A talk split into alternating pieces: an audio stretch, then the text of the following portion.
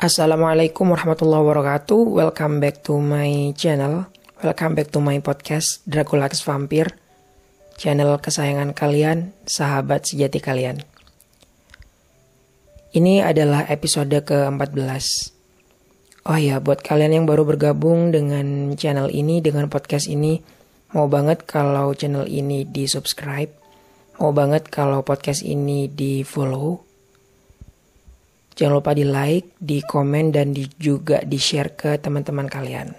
Terima kasih.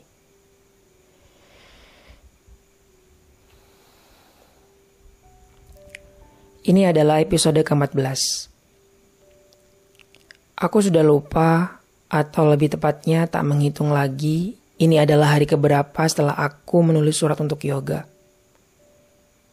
Perlahan, aku sudah bisa move on. Dan sekarang aku mulai dekat dengan Ustadz Hasan. Sedekat apa? Hmm, bisa dibilang dekat banget. Sangat dekat. Ya, boleh dibilang seperti itu.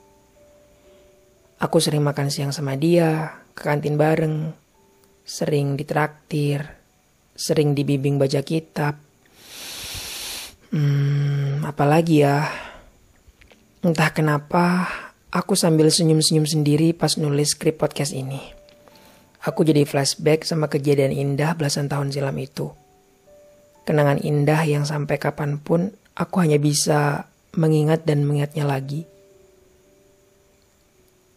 Kenangan indah yang tidak akan pernah terulang.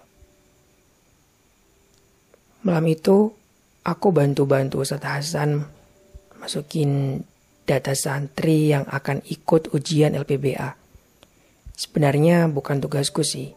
Dan lagi-lagi aku selalu melakukan hal yang bukan tugasku. Dan Ustadz Hasan selalu meminta bantuanku yang secara teknis ini tidak dibenarkan. Secara aku santri baru dan sistem administrasi di pondok ini sangat baik. Jelas ini tidak profesional. Tapi why not lah. Aku gak keberatan dan kalau Ustadz Hasan yang nyuruh, aku mau apa? Pukul 22.30. Mataku sudah tak kuat lagi. Tinggal 5 watt. Tadi siang aku tidak tidur. Aku ngerjain PR bahasa Jepang dan satu, dua, tiga. Aku tertidur di depan MacBook yang tergeletak di karpet bulu drumpuk itu. Aku tidur terlentang. Tapi kemudian, tahu-tahu lampu ruangan ini sudah mati. Sambil kiep-kiep, aku sedikit membuka mata. Oh, Ustadz Hasan lagi sholat. Kenapa aku deg-degan ya? Awalnya aku mau bangun dan pindah ke kamar. Tapi entahlah, aku terjebak suasana nyaman. Misterius dan ini asik sekali. Dak, dik, duk. Ya, begitulah. Kenapa aku begitu yakin ya kalau bentar lagi pasti akan ada sesuatu yang tidak biasa terjadi.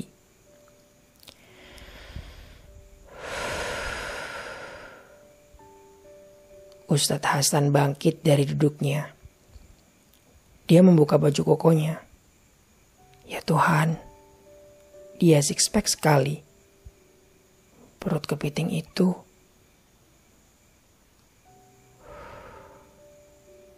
Dalam gelap aku masih bisa melihat wajahnya dengan jelas.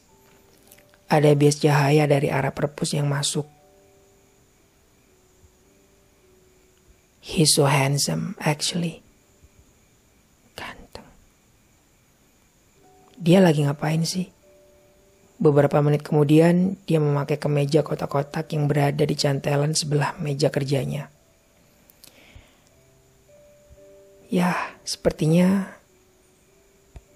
aku yang terlalu GR atau terlalu berharap. Hmm, rupanya dia mau keluar. Mau mengontrol ke kamar santri. Ya, dia keluar kamar dan rupanya akan mengontrol seperti biasanya. Mengontrol kamar santri dari kamar ke kamar. Ya sudahlah, aku tidur lagi. Dan degupan jantung yang kencang itu seketika buyar. Normal kembali seperti air selokan mengalir. Tapi beberapa menit kemudian, Hei, apa ini? Sesuatu lembut menempel ke bibirku. Aku buka mata sedikit tak percaya. Ya Tuhan, Ustadz Hasan menciumku. Kapan dia ke sini? Rupanya tidurku tadi terlalu nyenyak ya. Lalu tanpa babi bu, tanpa takut aku menolak, dengan pedenya dia membuka kemejaku. Kebetulan aku tidak memakai kaos dalam. Menciumi leherku, meraba-raba dadaku, turun ke perutku, lalu menciumi pahaku. Aku hanya diam pura-pura tidur. Ya, dia sebenarnya juga tahu kalau aku pura-pura tidur. Dan diarahkannya tanganku untuk menggenggam batang yang sudah sangat mengeras itu. Dan malam itu, Ustadz Hasan menyetubuhiku.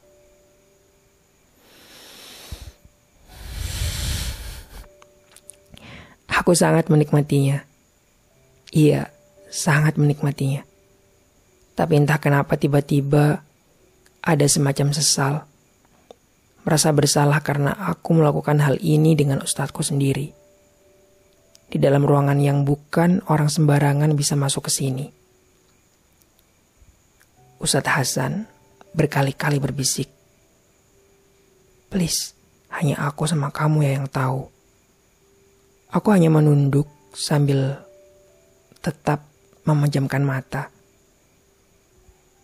Dan keesokan harinya aku jadi parno. Aku takut. Aku takut ketahuan. Takut dikeluarkan. Takut. Ah, entahlah. Yang jelas Perasaanku campur aduk antara senyum-senyum sendiri tentang kejadian semalam dan ngeri-ngeri sendiri entahlah.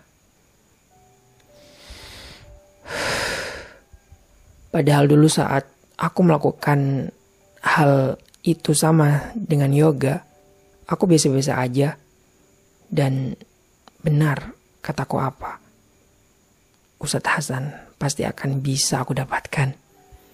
Setelah kejadian itu, aku makin bertambah yakin kalau rata-rata cowok cakep itu punya potensi menyukai sejenis.